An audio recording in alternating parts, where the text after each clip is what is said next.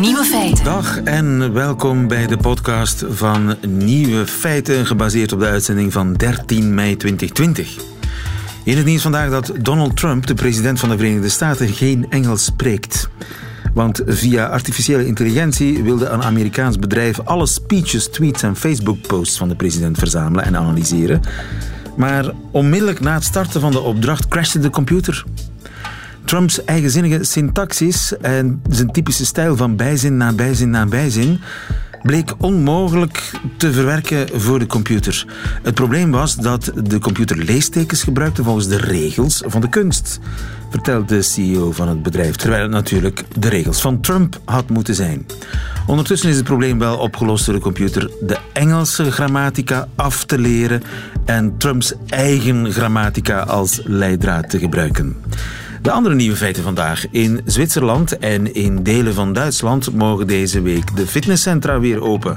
Hoe veilig of onveilig is dat? Omdat er zes nieuwe besmettingen zijn in Wuhan, moeten alle inwoners van de stad getest worden. Alle 11 miljoen. Fakeboeken verkopen als nooit tevoren, dankzij corona. En de wetenschap is eruit welk nummer de meeste groove heeft. Superstition van Stevie Wonder, vandaag 70 geworden. De nieuwe feiten van Michael Pas hoort u in zijn middagjournaal. Veel plezier. Nieuwe feiten. De Zwitsers mogen samen met een paar Duitsers, eh, Duitsers in een bepaald aantal eh, deelstaten van Duitsland, mogen weer naar de fitness. Renske Hedema, goedemiddag. Goedemiddag, lieve onze vrouw in Zurich. Bij ons is er nog geen woord gevallen over de sportscholen en de fitnesscentra. Die lijken wel voor goed, of in ieder geval voor onbepaalde tijd gesloten. Nederland heeft een streefdatum, 1 september. Betekent nog meer dan drie maanden zonder benchpress en uh, spinningklas. Nu, uh, Duitsland en met name ook Zwitserland neemt het voor touw. Daar zijn ze eergisteren al uh, begonnen aan de heropening van de sportscholen. Ben je al gaan sporten? Uh, ik ben nog niet gaan sporten, omdat die hele grote uh, universitaire club waar ik lid van ben, die is nog, nog eigenlijk helemaal niet open. Alleen maar voor één op één dingen, zoals tennis en zo, bepaalde sporten. Maar de fitness die ze daar aanbieden, die is in ieder geval nog niet open. Want daar geldt nog dat je niet met groepen mag traineren die meer dan vijf personen zijn. En dat geldt ook nog steeds in Zwitserland. Maar ik ben wel in een fitnesscenter geweest om te kijken hoe het eruit ziet. En uh, ik moet je zeggen dat het daar toch nog heel erg rustig is. Je ziet dat de mensen uh, nog uh, heel voorzichtig zijn. ik was in een heel groot fitnesscenter waar toch zeker wel 100 man normaal in kunnen. En daar zag ik op een dinsdagochtend toch niet meer dan vijf mensen trainen. Drie mensen op de loopband en twee mensen aan krachtapparaten. En... Dus dat is toch allemaal heel beperkt. En hoe ziet de coronavrije gym eruit? Ziet die er helemaal anders uit dan de gym zoals we die kennen? Ja, want er zijn natuurlijk enorme restricties. In de eerste plaats uh, bij de ingang uh, moet je, er staan er al strepen op de vloer dat je twee meter, want hier is het niet anderhalf, maar twee meter uh, afstand moet houden van elkaar. voor de rest is het zo dat elk tweede apparaat is afgeplakt. Uh, zodat je twee meter tussen de apparaten hebt. Er zijn ook hele batterijen apparaten die op dit moment eigenlijk nog niet in einsatz zijn, weet je wel, die je überhaupt niet kan gebruiken. Dus is duidelijk uh, wordt er gemikt op, op minder mensen. En uh, ja, ze kunnen natuurlijk maar een fractie van, van, van train, trainerenden aan als in een normaal geval. voor de rest mag je een masker dragen als, als je daar komt trainen.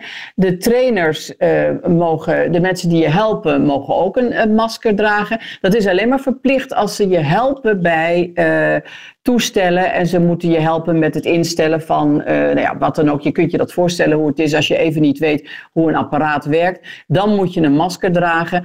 Voor de rest is er natuurlijk ook de douches. Wat, wat natuurlijk super gevaarlijk is. Uh, douches en omkledencabines en zo.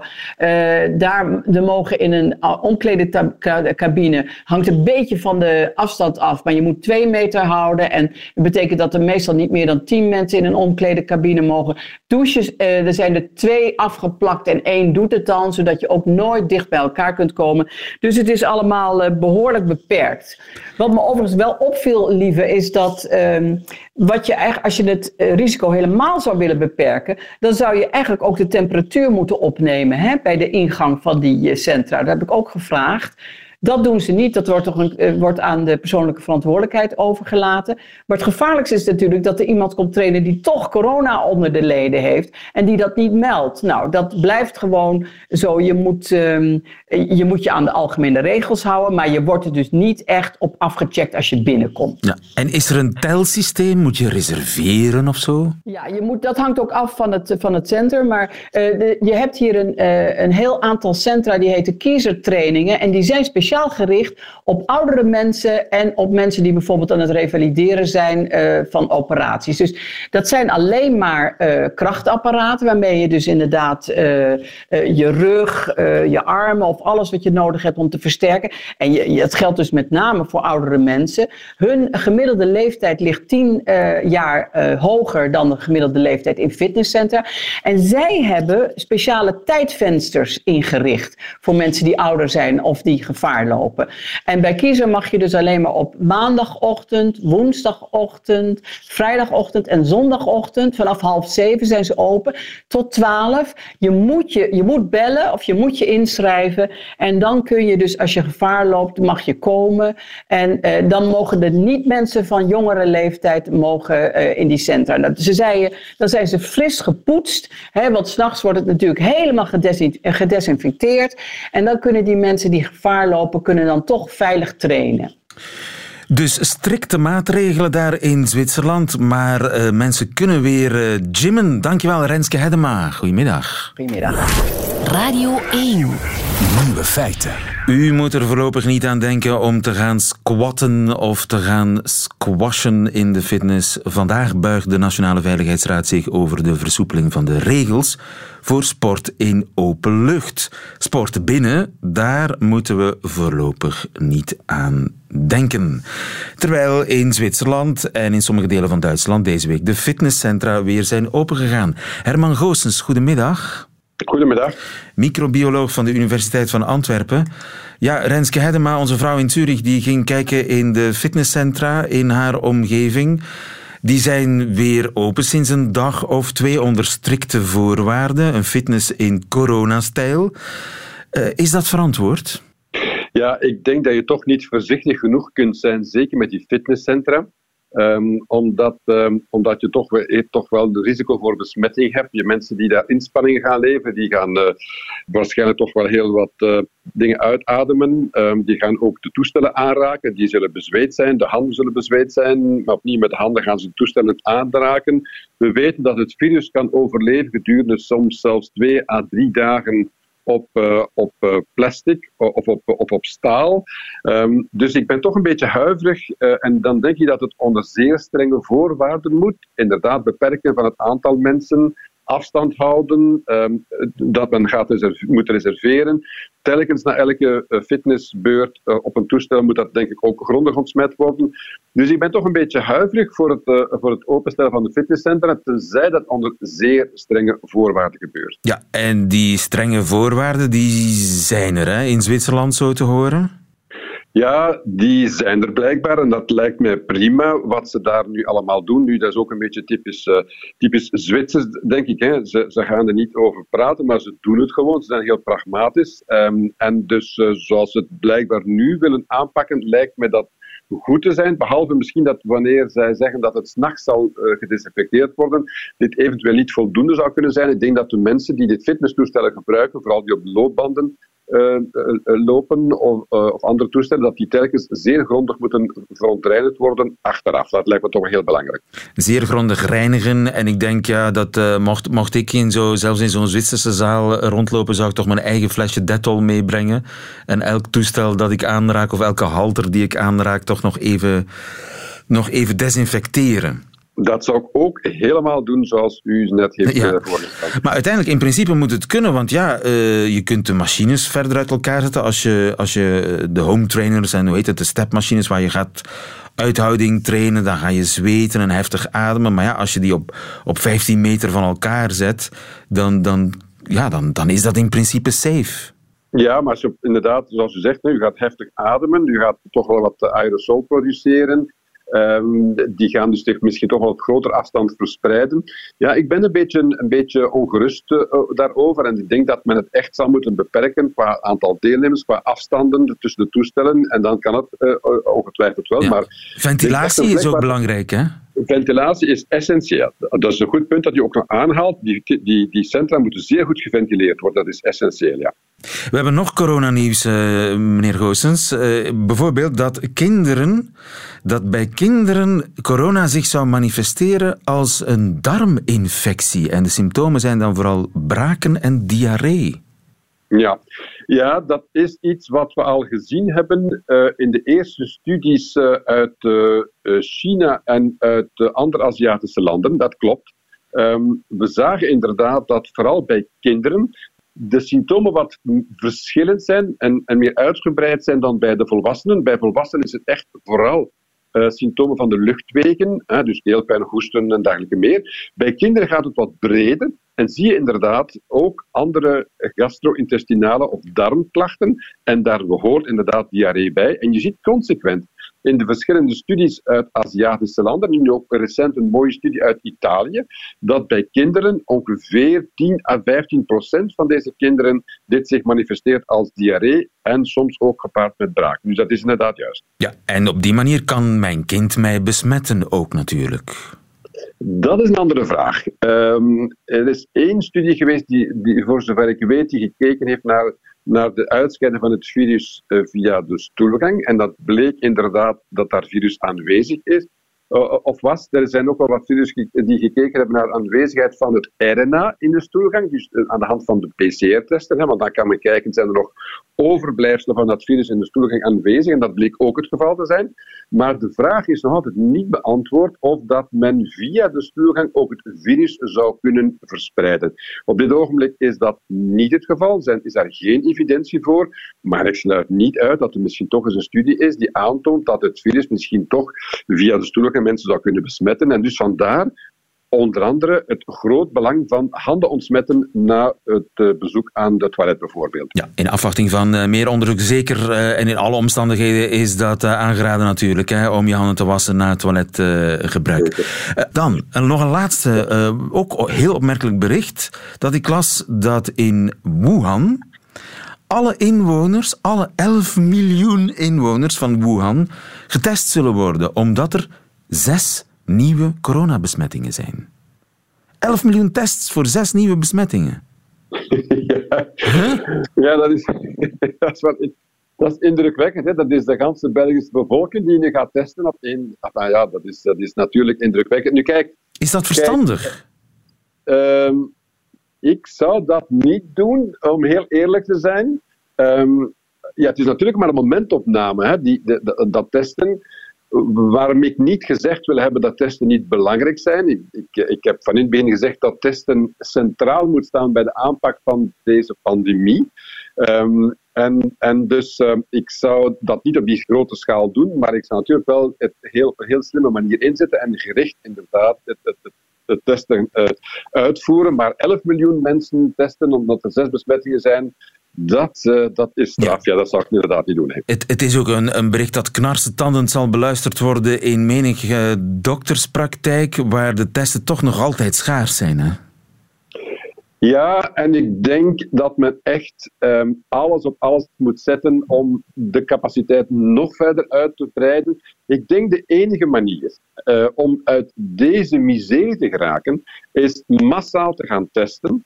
Um, op zeer grote schaal om laboratoria om te bouwen, ehm, de, de, industrie zoveel mogelijk aan te zetten om nog meer eh, eh, stoffen, eh, chemische stoffen te ontwikkelen voor het testen, om zelfs de academische laboratoria, waar ook veel toestellen staan waar dat men, waarmee men deze testen zou kunnen uitvoeren, om ook zelfs academische laboratoria daarvoor om te schakelen, die toestellen daarvoor te gaan gebruiken.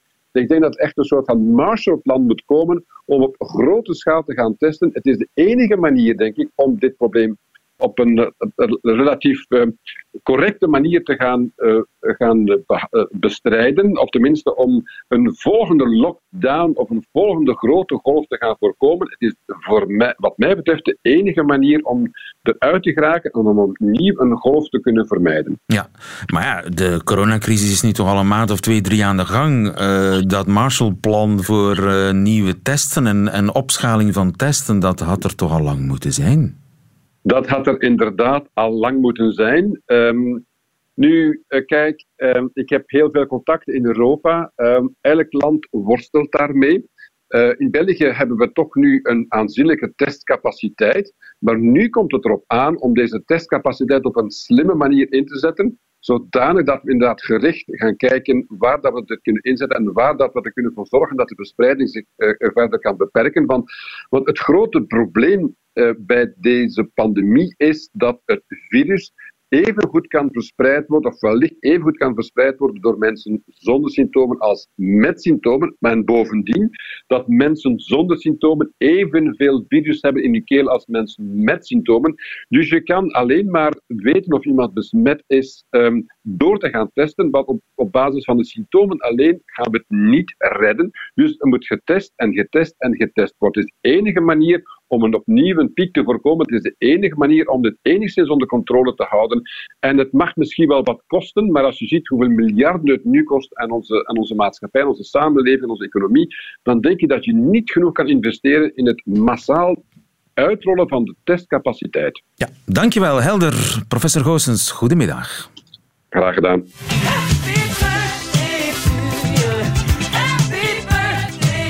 Stevie Wonder Radio 1 viert vandaag Stevie Wonder zijn 70ste verjaardag. De man die de wereld dit wonder schonk.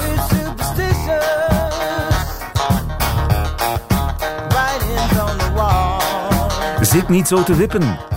Ik weet het, het is onmogelijk om stil te blijven zitten of staan op dit nummer, Superstition van Stevie Wonder. En daar is een wetenschappelijke verklaring voor. Het zit namelijk zo, Superstition is officieel wetenschappelijk bewezen het meest groovy nummer ooit gemaakt. Goedemiddag, Jeroen. Goedemiddag, lieven. Jeroen Doe, je bent popprofessor aan de Universiteit van Leuven. Muzikoloog uiteraard. Eh, het is een eh, collega van u in Californië, de Universiteit van Californië. Een zekere Peter Janata. Die dat heeft aangetoond dat Superstition van Stevie Wonder het meest groovy nummer aller tijden is. Dat klopt toch, hè?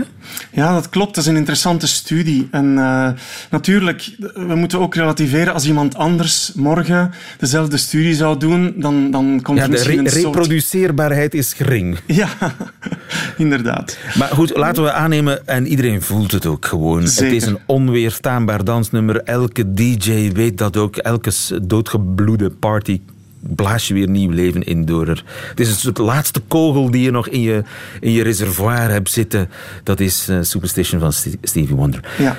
Grooviest. Wat is dat eigenlijk, een groove? Ja, een, een groove-gevoel bij muziek komt eigenlijk neer op het ervaren van een, van een voortstuwend ritme.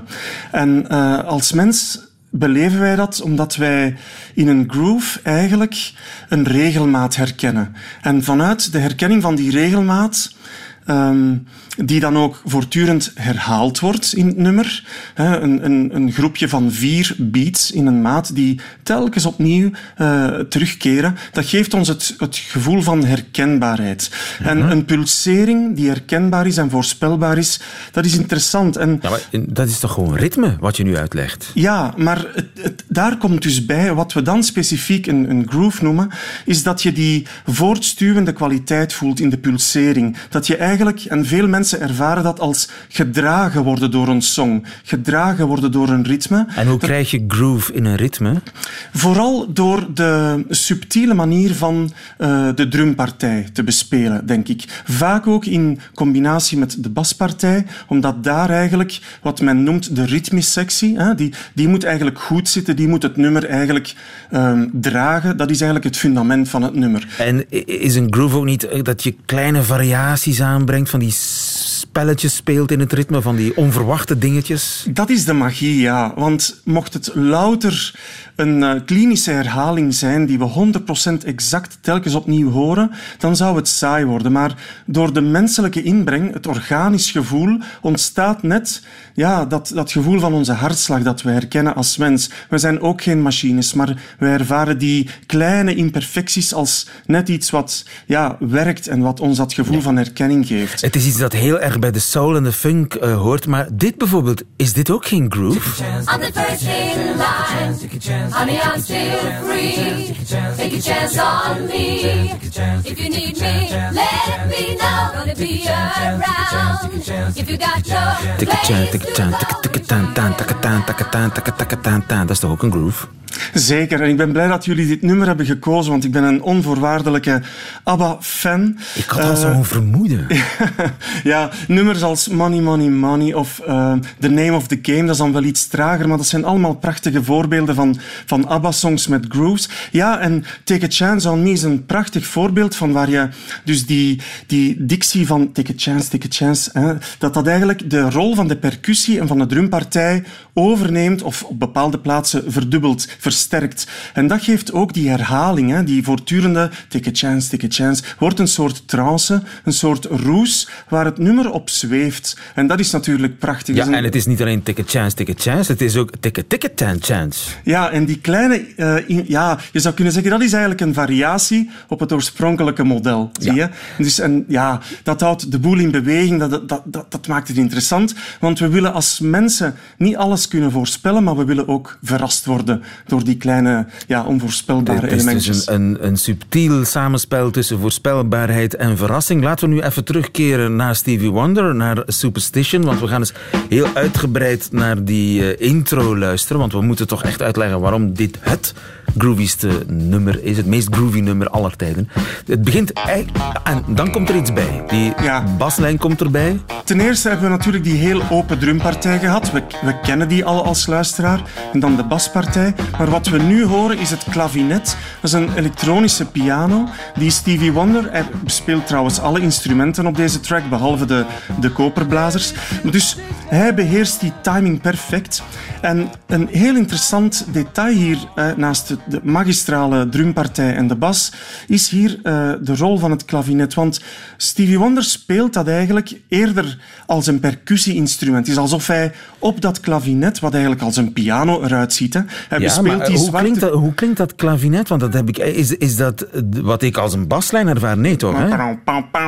Dus die, oh, dat, ja. het lijkt een basgitaar, ja. maar het is een klavinet. Nee, de bas zit nog veel lager en die is wat warmer en ronder en wat, ja, wat subtieler eronderin gemixt, zeg maar. Ja, ja, ja, ja. ja. ja. En het, het geestige is dat Stevie Wonder een fantastische toetsen- en, en pianist-bespeler is. Dus die kan daar met die zwarte toetsen als het ware uh, congas bespelen. Dus in zijn hoofd is dat eigenlijk een, um, ja, eerder een percussie-instrument dan wel een lyrisch uh, ja, toetseninstrument zoals een piano of een orgel of weet ik wat. Zie je? Dus dat is deel van die percussieve onderbouw van de song. Ja. Het lijkt eenvoudig, maar het is heel subtiel en het zijn die kleine verschilletjes in ritme. Het je kan er niet aan weerstaan. Hè? Dat klopt, ja. En ik denk dat ook de magie van Superstition heel bijzonder is. Iets, dat is namelijk, het is niet zo'n heel snel nummer. Hè, dus uh, het is een nummer met een fantastische groove, aanstekelijk tot en met. Maar eigenlijk is het niet zo'n heel snel nummer zoals bijvoorbeeld uh, September van Earth, Wind and Fire. Dat, dat, dat, kan je echt meteen rechtveren en heel ja, relatief snel beginnen te ja, dansen. Ja, het wordt snel saai, hè? Superstition wordt nooit saai. Nee, dat klopt. Ja. En, dus ik denk dat Stevie Wonder het, het, het genie heeft gehad om het nummer heel open te laten en net iets te traag te spelen. Dus we noemen dat in, in het jargon van de popmuziek hè, chill of cool. Uh, in de hip-hopwereld heet dat ook swag. En dat is eigenlijk om aan te geven dat je die voortstuwende factor wel voelt bij het beluisteren, maar dat je die in je hoofd zelf eigenlijk een beetje aan het maken bent. Dus het nummer houdt je bijna tegen is zo, zo stoer en zo relaxed en zo chill gespeeld dat je er eigenlijk helemaal in zit en dat je dan eigenlijk verlangt dat het ietsje sneller gaat en dat het vooruit stuurt. Het is een sportwagen die 60 per uur rijdt. en dat is het meest sexy ding wat er bestaat volgens mij. Superstition, gefeliciteerd Stevie Wonder. Dankjewel Jeroen Doe van de Universiteit van Leuven. Goedemiddag. Graag gedaan. Thank you.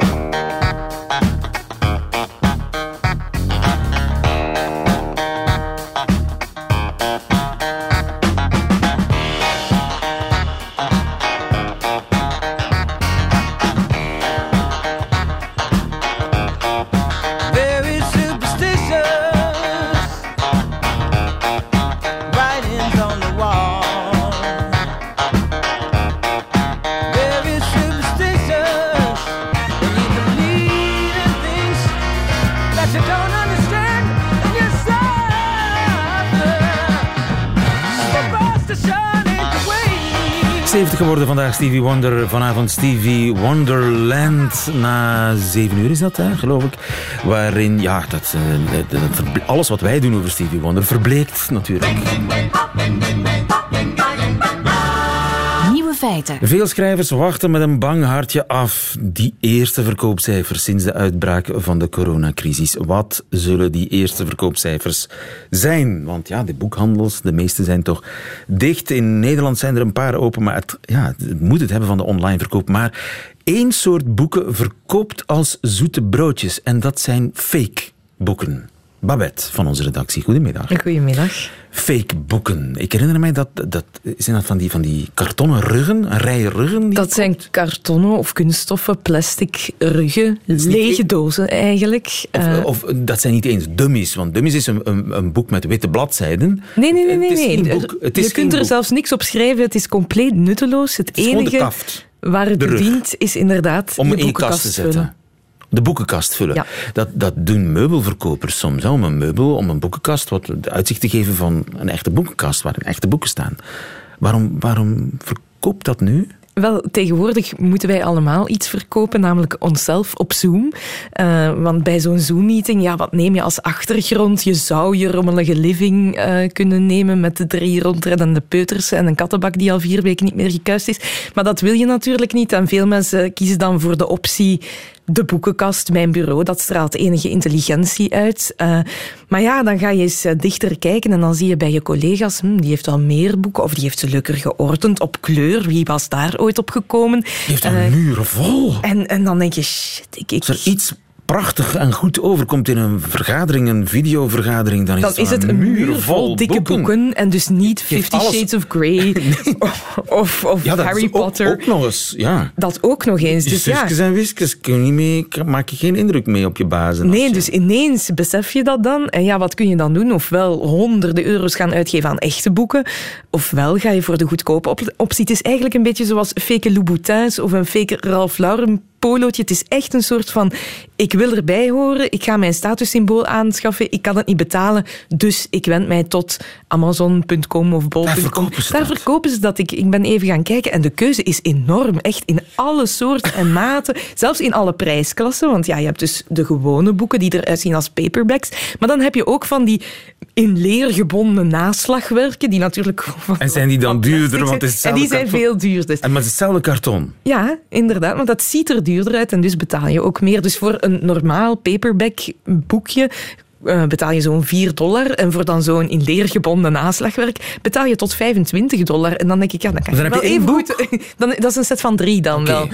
Een, een, een, trilogie of een encyclopedie in meerdere delen, ja. Bon, uh, en, en ja, dat is eigenlijk een Zoom-trend. Want ja, Zoom is een nieuwe manier om te gaan vergaderen. Uh, videobellen in groep. Dat zorgt natuurlijk voor nieuwe trends, een nieuwe... Ja, en, en ook stress, hè, want het is een manier om binnen te kijken in iemands leven op een heel... Ja, Belichting is ook belangrijk. Heel hè? dichtbij Kadrage. allemaal.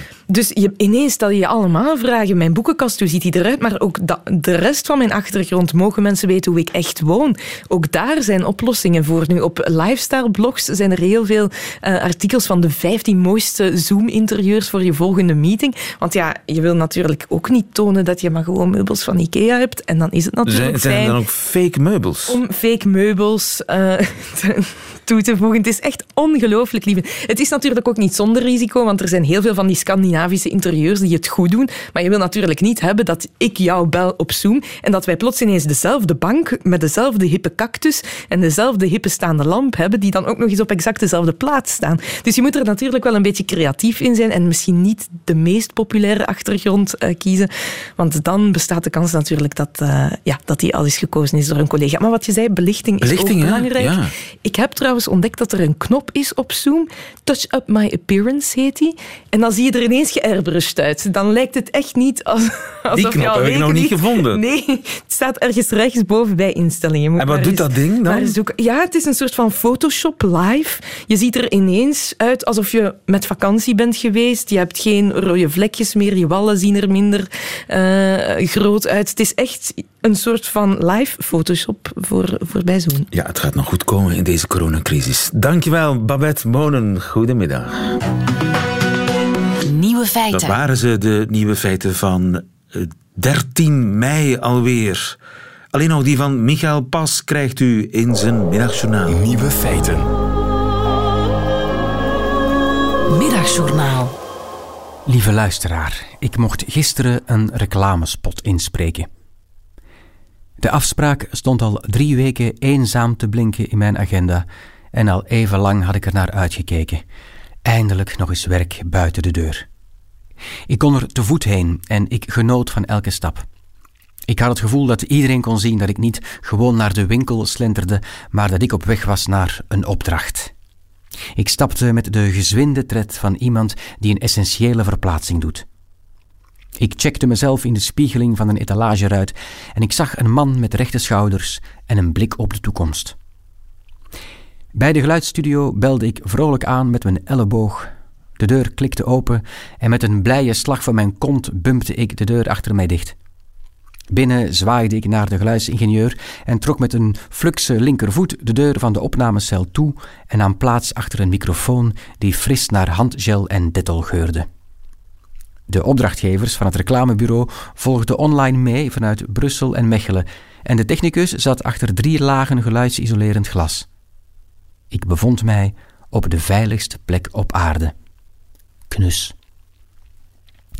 Ik maakte reclame voor een koekje dat uitermate geschikt is om in saus te dippen. Kijk, ik ben een serieus acteur. Ik heb Shakespeare gespeeld en in een film van Stijn Konings. En nu leende ik mijn stem aan vijf verschillende spots voor hetzelfde koekje. En weet je wat? Ik vond het heerlijk. Ik varieerde in stemgeluid, ik interpreteerde en deed voorstellen. Toen ik in een vlaag van inspiratie een klemtoon in het spotje anders legde, ging de duim van de geluidsingenieur de lucht in en dat voelde alsof er een daverend applaus van een theatertribune rolde. Ik voelde me perfect gelukkig, vijf dipsauzen lang. Na een uurtje stond ik weer buiten. Ik wandelde blij gemoed naar huis. Misschien zweefde ik zelfs enkele centimeters boven het voetpad. Oké, het was nu niet dat ik de beginmonoloog van Richard III had neergezet, of dat de reclamewereld zal daver op zijn grond vesten omwille van mijn gedurfde klemtoon, maar ik had wel mijn vak uitgeoefend en even had ik meegedaan aan de echte wereld. Via een koekje. Dat wordt bedacht, gemaakt, vervoerd, aangeprezen en verkocht. Wat had ik dit gemist? Me af en toe even een klein beetje essentieel voelen. Mijn koekje zwengelt straks mee de economie aan. Koop het. Het is extra lekker in dipsaus.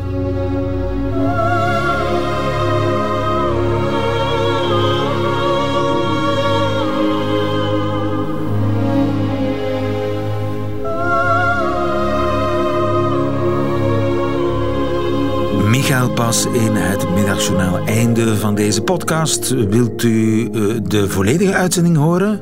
Met de muziek erbij? Dat kan natuurlijk ook via onze app of via onze site. Daar vindt u overigens nog een keur aan andere podcasts. Tot een volgende keer.